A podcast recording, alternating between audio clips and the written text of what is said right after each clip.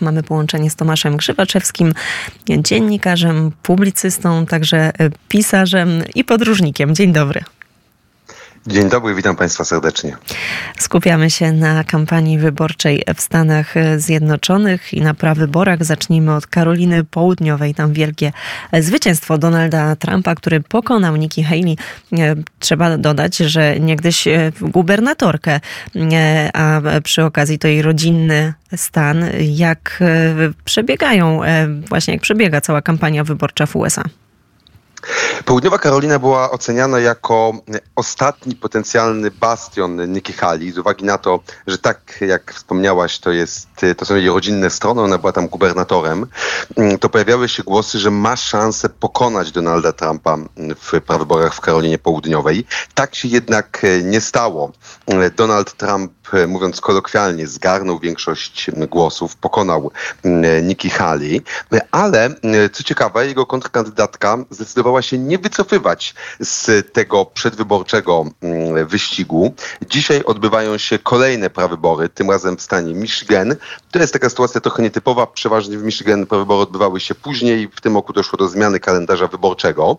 A zatem cały czas Nikki Haley kandyduje i będzie jeszcze próbowała Donalda Trumpa pokonać ale no, szanse jej w tych prawyborach są, powiedziałbym, więcej niż iluzoryczne. Wszystkie sondaże wskazują na to, że Donald Trump wygra również w Michigan, a już niedługo, w przyszłym tygodniu, mamy tak zwany Super Tuesday, czyli super wtorek, kiedy odbywa się, odbywają się prawybory mniej więcej w jednej trzeciej Stanów i ten super wtorek w zasadzie zadecyduje już ostatecznie o tym, kto otrzyma prezydencką nominację. Jak mówię, szanse Nikki Haley są bardzo niewielkie, tym niemniej cały czas bierze ona udział w tym wyścigu. Natomiast komentując jeszcze wyniki Mm, wyborów w Karolinie Południowej, to tutaj e, warto zwrócić uwagę na to, mm, jak wyglądały mm, głosy oddane na, na Donalda Trumpa. No i tutaj okazuje się, że jednak zdecydowana większość jego wyborców to są cały czas wyborcy biali, wyborcy, którzy mają nieco niższe wykształcenie, nie mają wykształcenia wyższego. I tutaj analitycy wskazują na to, że jednak te wybory w Koronie Południowej pokazują, że Trump cały czas ma duży problem, żeby przekonać do siebie bardziej umiarkowanych kandydatów, kandydatów znowu lepiej wykształconych, kandydatów również, którzy nie są wybor wyborców, którzy nie są wyborcami, mówiąc wprost, białymi. I jakby cały czas to powoduje, że ta baza Trumpa o, osadza się na twardym mm, elektoracie. I tutaj dochodzimy do pewnego rodzaju mm, paradoksu, ponieważ wiele sondaży wskazuje na to, że gdyby to Nikki Haley mm, otrzymała nominację prezydencką, to prawdopodobnie miałaby o wiele większe szanse pokonać Joe Bidena niż sam Donald Trump, pomimo że sondaże cały czas dają Trumpowi pewną niewielką przewagę, to jest około 2% w sondażach. Natomiast Nikki Haley, w przypadku Nikki Haley ta przewaga byłaby zapewne jeszcze większa. Tym niemniej okazuje się, że Donald Trump tak skutecznie strampizował, że mm, użyje takiego określenia partię republikańską, że po prostu żaden z jego kandydatów nie miał mm, szans na zwycięstwo. Już wcześniej z wyścigu wycofał się przecież gubernator Florydy DeSantis. Nikki Haley dalej walczy, jak wspomniałem, jej szanse są niewielkie. Czyli... Z kolei mhm. obserwując... Tak? Przepraszam. Proszę, proszę. E, z kolei obserwując sytuację po stronie demokratów, to tutaj oczywiście Joe Biden ma największe szanse jeżeli chodzi o otrzymanie tej prezydenckiej nominacji. W zasadzie praktycznie mm, nie mówi się o tym, że ktoś inny mógłby te wybory wygrać, choć pojawiły się pewnego rodzaju plotki krążące po Waszyngtonie, że być może Joe Biden zdecydowałby się wycofać z tego wyścigu o nominację prezydencką z uwagi na podeszły wiek mm, i mm, nie najlepszy stan zdrowia, ale jak mówię, to na razie są tylko i wyłącznie plotki, choć również na kanwie na fali tych plotek pojawiły się pewnego rodzaju mm, kolejne mm, plotki, kto mógłby go potencjalnie zastąpić. Nawet pojawiły się pewnego rodzaju sondaże, kogo wyborcy demokratów mogliby widzieć zamiast Joe Bidena. I tutaj w tych mm, sondażach wygrywa o dziwo nie wiceprezydent Kamala Harris, ale dawna była pierwsza dama, czyli Michelle Obama. Tym niemniej, jak mówię, to wszystko są pogłoski. Tutaj na razie Joe Biden idzie po prezydenturę, choć w Michigan może nie być mu tak łatwo, ponieważ jest to stan, e, który, gdzie znajduje się liczna e, mniejszość muzułmańska, e, która z kolei jest bardzo krytycznie nastawiona dla, do Joe Bidena w związku z jego bardzo jednoznacznym, twardym poparciem dla Izraela wokół konfliktu w strefie gazy. Wspomniałeś, e, Tomku, o wieku Joe e, Bidena. Trzeba przyznać, że no Donald Trump wielokrotnie oskarżał obecnego prezydenta o, po prostu o, o bycie za starym na kontynuowanie kariery politycznej niedołężnym wystarczająco, aby sprawować władzę. A ostatnio e, media rozpisują się na temat pomyłki Donalda Trumpa, który w swoim najnowszym, jednym z takich naj, niedawnych wystąpień publicznych po prostu pomylił imię e, swojej żony i tutaj od razu część e, analityków e, wskazuje, że no zapominanie imion najbliższych, szukanie zamienników może być właśnie jednym z objawów demencji starczej, bo trzeba przyznać, że mamy faktycznie no taką sytuację, że obaj panowie nie są już najmłodsi. Y, to prawda, to jest rzeczywiście y, no, pewnego rodzaju niezwykła sytuacja, że ten, y, ten obecny wyścig o miejsce w gabinecie owalnym, no to jest jednak wyścig dwóch dżentelmenów, w wieku dosyć podeszłym. Joe Biden ma 81 lat, a Donald Trump, e, żebym Państwa nie skłamał, 77 lat. Także ta różnica wieku tak naprawdę nie jest e, aż tak znacząca. Natomiast no tutaj myślę, że też istotne jest to, że jednak jest ogromna różnica wizerunkowa. Donald Trump, pomimo tej niemalże już osiemdziesiątki na karku, przedstawia się jako przywódca bardzo dynamiczny, pełen energii jednak doskonale wypadający w wystąpieniach publicznych. No a tymczasem Joe Biden stał się obiektem żartów, różnego rodzaju prześmie, prześmiewczych memów, gdzie no właśnie a to zapomina jakichś słów, a to się potyka.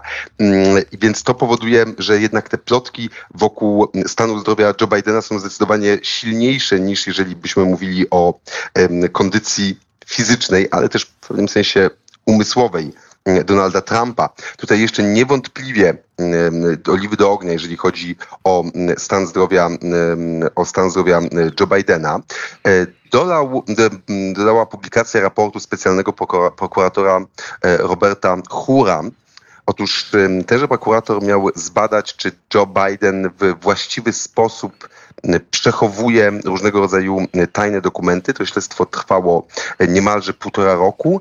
W, w, jego efekcie prokuratura ustaliła, że nie ma podstaw do postawienia żadnych zarzutów, ale w samym dokumencie pojawiły się no, pewnego rodzaju takie stwierdzenia, które mogą wzbudzać e, kontrowersje. Między innymi prokurator Robert Hur w tym, w tym raporcie opisał Bidena jako dobrodusznego starszego pana z kiepską pamięcią. No, taka opinia na temat przywódcy najpotężniejszego nuklearnego mocarstwa e, świata, no może wzbudzać chyba pewnego rodzaju uzasadniony e, niepokój. W odpowiedzi na to administracja prezydencka zorganizowała konferencję prasową, gdzie Joe Biden oczywiście zapewniał, że wszystko jest z nim w porządku. Tym niemniej spekulacje nie ustają, ale jeszcze nawiązując do tego, do czego rozpoczęliśmy naszą rozmowę, w tym wyścigu mamy do czynienia z naprawdę dwoma kandydatami w zaawansowanym wieku. Jeżeli nam się czasami wydaje, że w naszej polskiej polityce mamy wielu mm, polityków wiekowych, to naprawdę jest to nic w porównaniu ze Stanami Zjednoczonymi. To jest rzeczywiście sytuacja dosyć mm, zaskakująca, że amerykańska demokracja i ten system dwupartyjny doszedł do momentu, kiedy tak naprawdę młodym politykom niezwykle trudno jest się przebić. To jest również związane z kwestiami finansowania kampanii wyborczych, które są o wiele, wzbudzają o wiele więcej emocji, te kampanie angażują o wiele więcej środków, a także sponsorów niż finansowanie kampanii mm, wyborczych w Polsce. Zresztą nawet e, ostatnio pojawiły się takie mm, opinie, że e, pewnego rodzaju trudności finansowe Donalda Trumpa w związku z ponoszonymi przez niego kosztami sądowymi, ostatnio też mm, w procesie cywilnym został on, mm, e, są zobowiązane do zapłaty wieloset milionowego odszkodowania i że te trudności jego finansowe mogą wpłynąć na przebieg kampanii wyborczej, że po prostu one powodują, że Donaldowi Trumpowi trudniej jest przeznaczać ogromne kwoty na reklamę i o ile Joe Biden może koncentrować swoje wysiłki finansowe tylko na promowaniu swojej kandydatury, o tyle Donald Trump no, będzie musiał dzielić te wydatki pomiędzy obsługę różnego rodzaju kosztów procesowych, kosztów sądowych, kosztów prawniczych, a no właśnie wydawaniem środków na kampanię wyborczą. Także to ma też istotne znaczenie, ale jak mówię, no te wybory pokazują, że ta amerykańska najwyższa klasa polityczna została do pewnego stopnia zabetonowana. Tym niemniej jak na razie wszystko wskazuje na to, że będziemy mieli mm, w listopadzie wyścig pomiędzy Donaldem Trumpem a Joe Bidenem, chyba że wydarzy się coś zupełnie niespodziewanego, jak chociażby właśnie wycofanie się Joe Bidena mm, jednak z tego, z tego wyścigu, a wtedy kto wie, czy to mogła być Michelle Obama, czy, czy Kamala Harris, czy może gubernator mm, Kalifornii mógłby go zastąpić, a to są wszystko pewnego rodzaju spekulacje, które w tym momencie nie mają pokrycia w żadnych konkretnych faktach i dowodach. Natomiast niewątpliwie warto jest, jak mówię, obserwować te prawybory, bo one pokazują, jak poszczególni kandydaci są w stanie zagospodarować swój elektorat. Prawybory w Karolinie Południowej pokazały, że Trump cały czas ma poparcie wśród tego najtwardszego elektoratu, ale nie jest w stanie rozszerzyć swojej bazy wyborców wyborców w stronę kandydatów, kandydata bardziej, w stronę wyborców bardziej umiarkowanych. Z kolei Joe Biden może mieć problemy chociażby, no właśnie, z przekonaniem mniejszości muzułmańskiej, która jest wobec niego bardzo sceptyczna. Tutaj nawet pojawiły się takie głosy, żeby przy tych dzisiejszych wyborach w Michigan wyborcy demokratów głosowali na innego kandydata, nie na Joe Bidena, no bo po prostu nie można popierać prezydenta, który tak, tak w ogromnym stopniu wspiera Mm, wspiera Izrael w tym konflikcie wokół strefy gazy. Także jak myślę, pokazują te prawybory, te wszystkie, te wszystkie decyzje polityczne mm, wcale nie są takie, mm, takie oczywiste, jak mogłoby się z, na pierwszy rzut oka wydawać.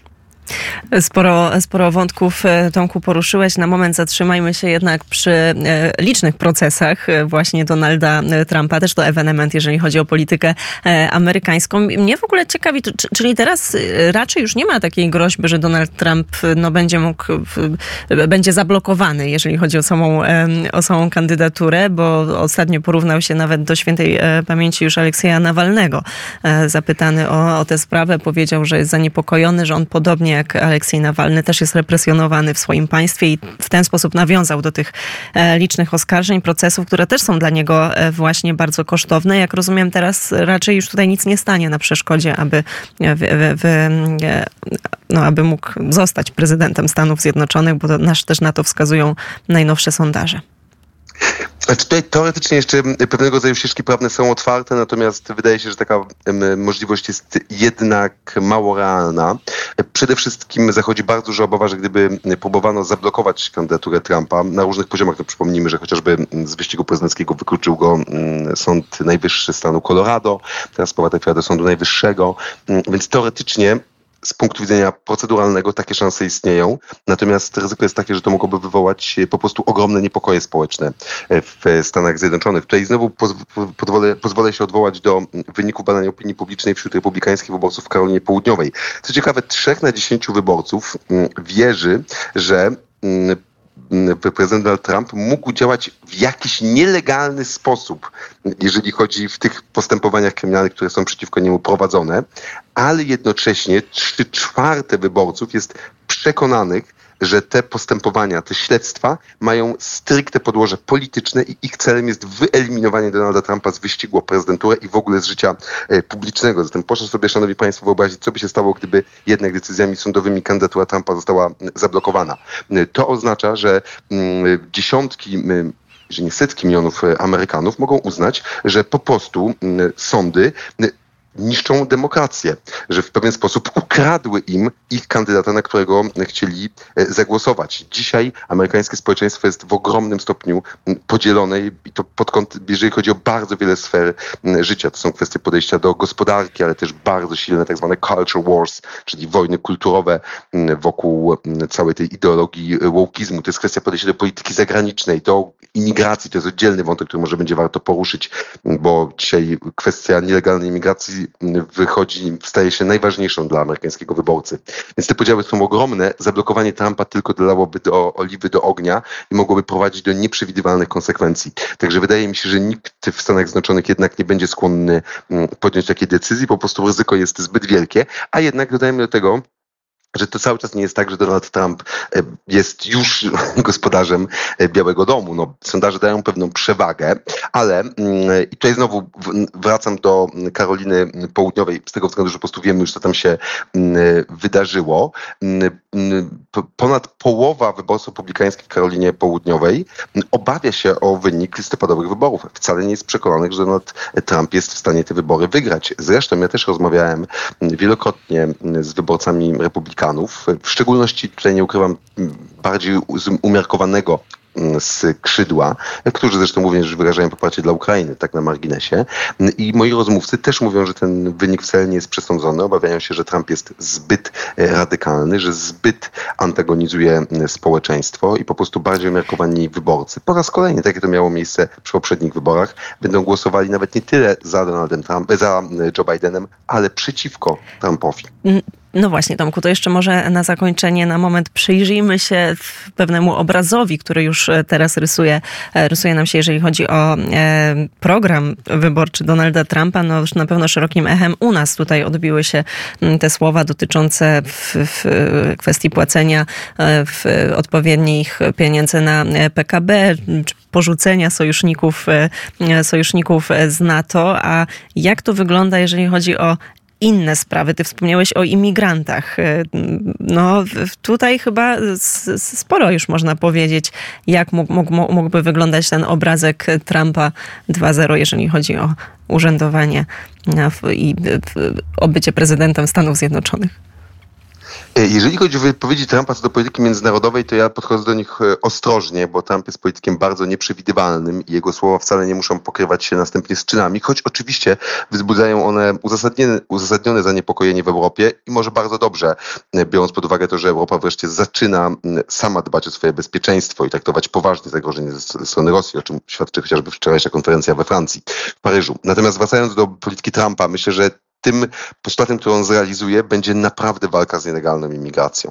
To znaczy to, co on robił mm, w, przy swojej poprzedniej kandydatury, prezydentury, to myślę, że była tylko rozgrzewka przed tym, co może się wydarzyć, jeżeli wygra on te wybory, ale to wynika też z tego, że takie są oczekiwania amerykańskich wyborców. Według najnowszego sondażu Gallupa 55% Amerykanów, ankietowanych Amerykanów, uważa, że duża liczba nielegalnych imigrantów stanowi krytyczne zagrożenie dla amerykańskich, amerykańskich interesów. No to jest y, najwyższy odsetek y, w, w, w, takich odpowiedzi, y, jeżeli chodzi w ogóle o rozpoczęcie badania, zadawanie tego pytania o legalną imigrację przez sondaż Galupa.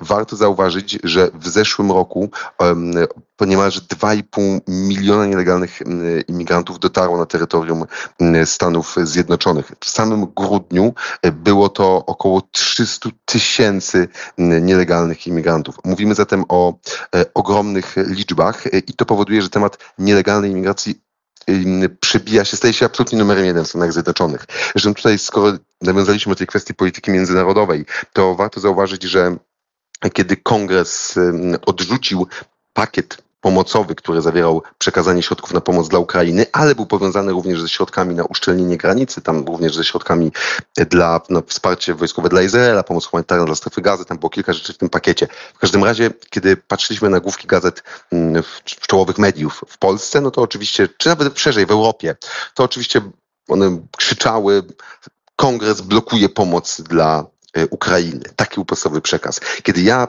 kiedy ja mm, przeglądałem media amerykańskie, to nagłówki mówiły, kongres odrzuca mm, porozumienie w sprawie pakietu granicznego pakietu zablokowania nielegalnej imigracji.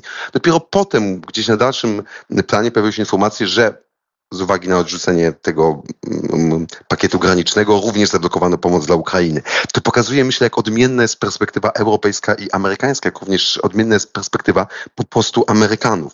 Dzisiaj dla Amerykanów kwestie mm, Ukrainy są zdecydowanie mniej ważne, czy w ogóle kwestie bezpieczeństwa sytuacji w Europie są zdecydowanie mniej ważne niż, niż kwestie właśnie bezpieczeństwa na, na granicach. No i ma to pewnego rodzaju uzasadnienie, biorąc pod uwagę tę porażającą liczbę nielegalnych imigrantów, jacy przedostają się do Stanów Zjednoczonych. Na to oczywiście nałożył się jeszcze konflikt pomiędzy gubernatorem mm, Teksasu a rządem federalnym. Także ja myślę, że tutaj pierwszą rzeczą, którą zrobi Trump, to będzie naprawdę deportowanie nielegalnych imigrantów i, imigrantów i zamknięcie granicy. To jest pierwsza kwestia.